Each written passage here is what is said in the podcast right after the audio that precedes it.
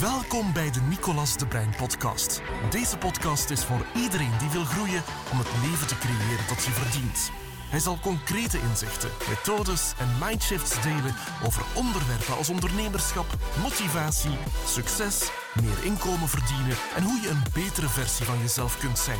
Nicolas is een serial entrepreneur, oprichter van Nicolas de Bruin Business Academy, vastgoedinvesteerder, deelnemer van de Sky is the Limit TV-show en vooral liefhebbende vader en echtgenoot.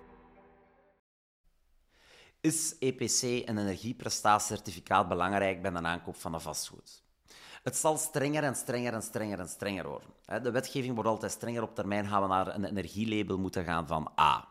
En A wil zeggen ja, dat je gewoon super energetisch in orde bent.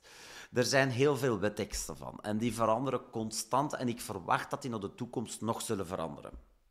En nu heb je een renovatieverplichting als je een aankoop doet, om dat binnen de vijf jaar te doen. Je hebt, je moet daar, hebt daar vijf jaar de tijd voor. En mijn beredenering daarover, ja, ik ga er ook niet te diep op in. ik hou er rekening mee, maar ook niet te veel. Waarom? Omdat je ja, het toch gaat moeten doen.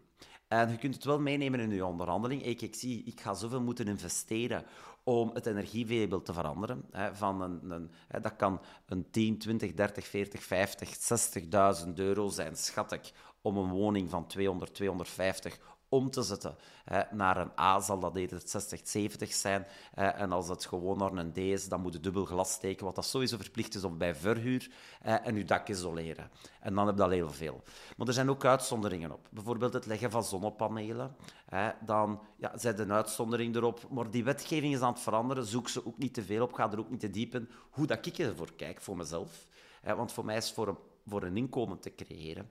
Ik kijk van, ah, ik zie, als ik vijf jaar huur heb gehad, bijvoorbeeld 500 euro per maand, 12 maanden 6000 euro, 6000, vijf jaar is 30.000 euro.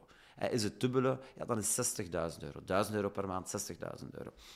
Ja, als de mensen die huur betaald hebben, ja, dan heb ik gewoon, moet ik vijf jaar langer wachten tot als het effectief extra begint op te brengen. Dus ik ga er niet te diep op in.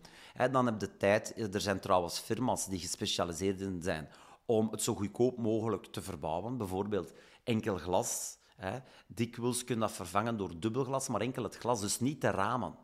Dus het profiel er rond, dat noemde raam, ik wist ik dacht vroeger, dat het, het, het, profiel er rond kan je behouden dikwijls en enkel dubbel glas insteken. En die kostprijs is ongeveer een derde of een vierde of een vijfde hè, van volledig nieuw raam te steken. Want als je daar raam uitbreekt, moet je langs de zijkanten opnieuw te noemen dat bij ons chambrangs.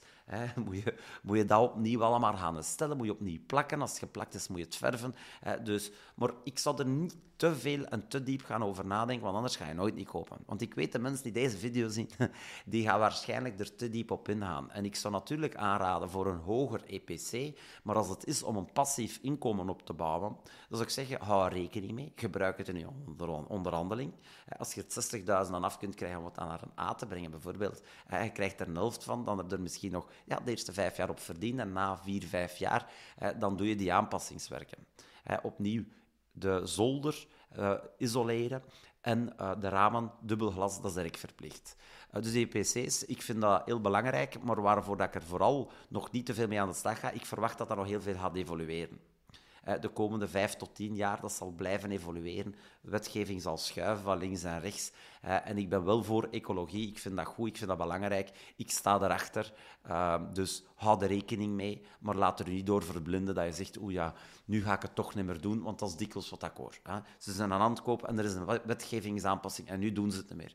Maar op zich, je hebt inflatie, je pand wordt meer waard elk jaar en met dat geld kun je het ook opnieuw gaan investeren. Dus ik zou je dat niet laten tegenhouden. Besef dat er is, kijk ernaar, hou rekening wel dat je bepaalde eisen moet voldoen om te verhuren.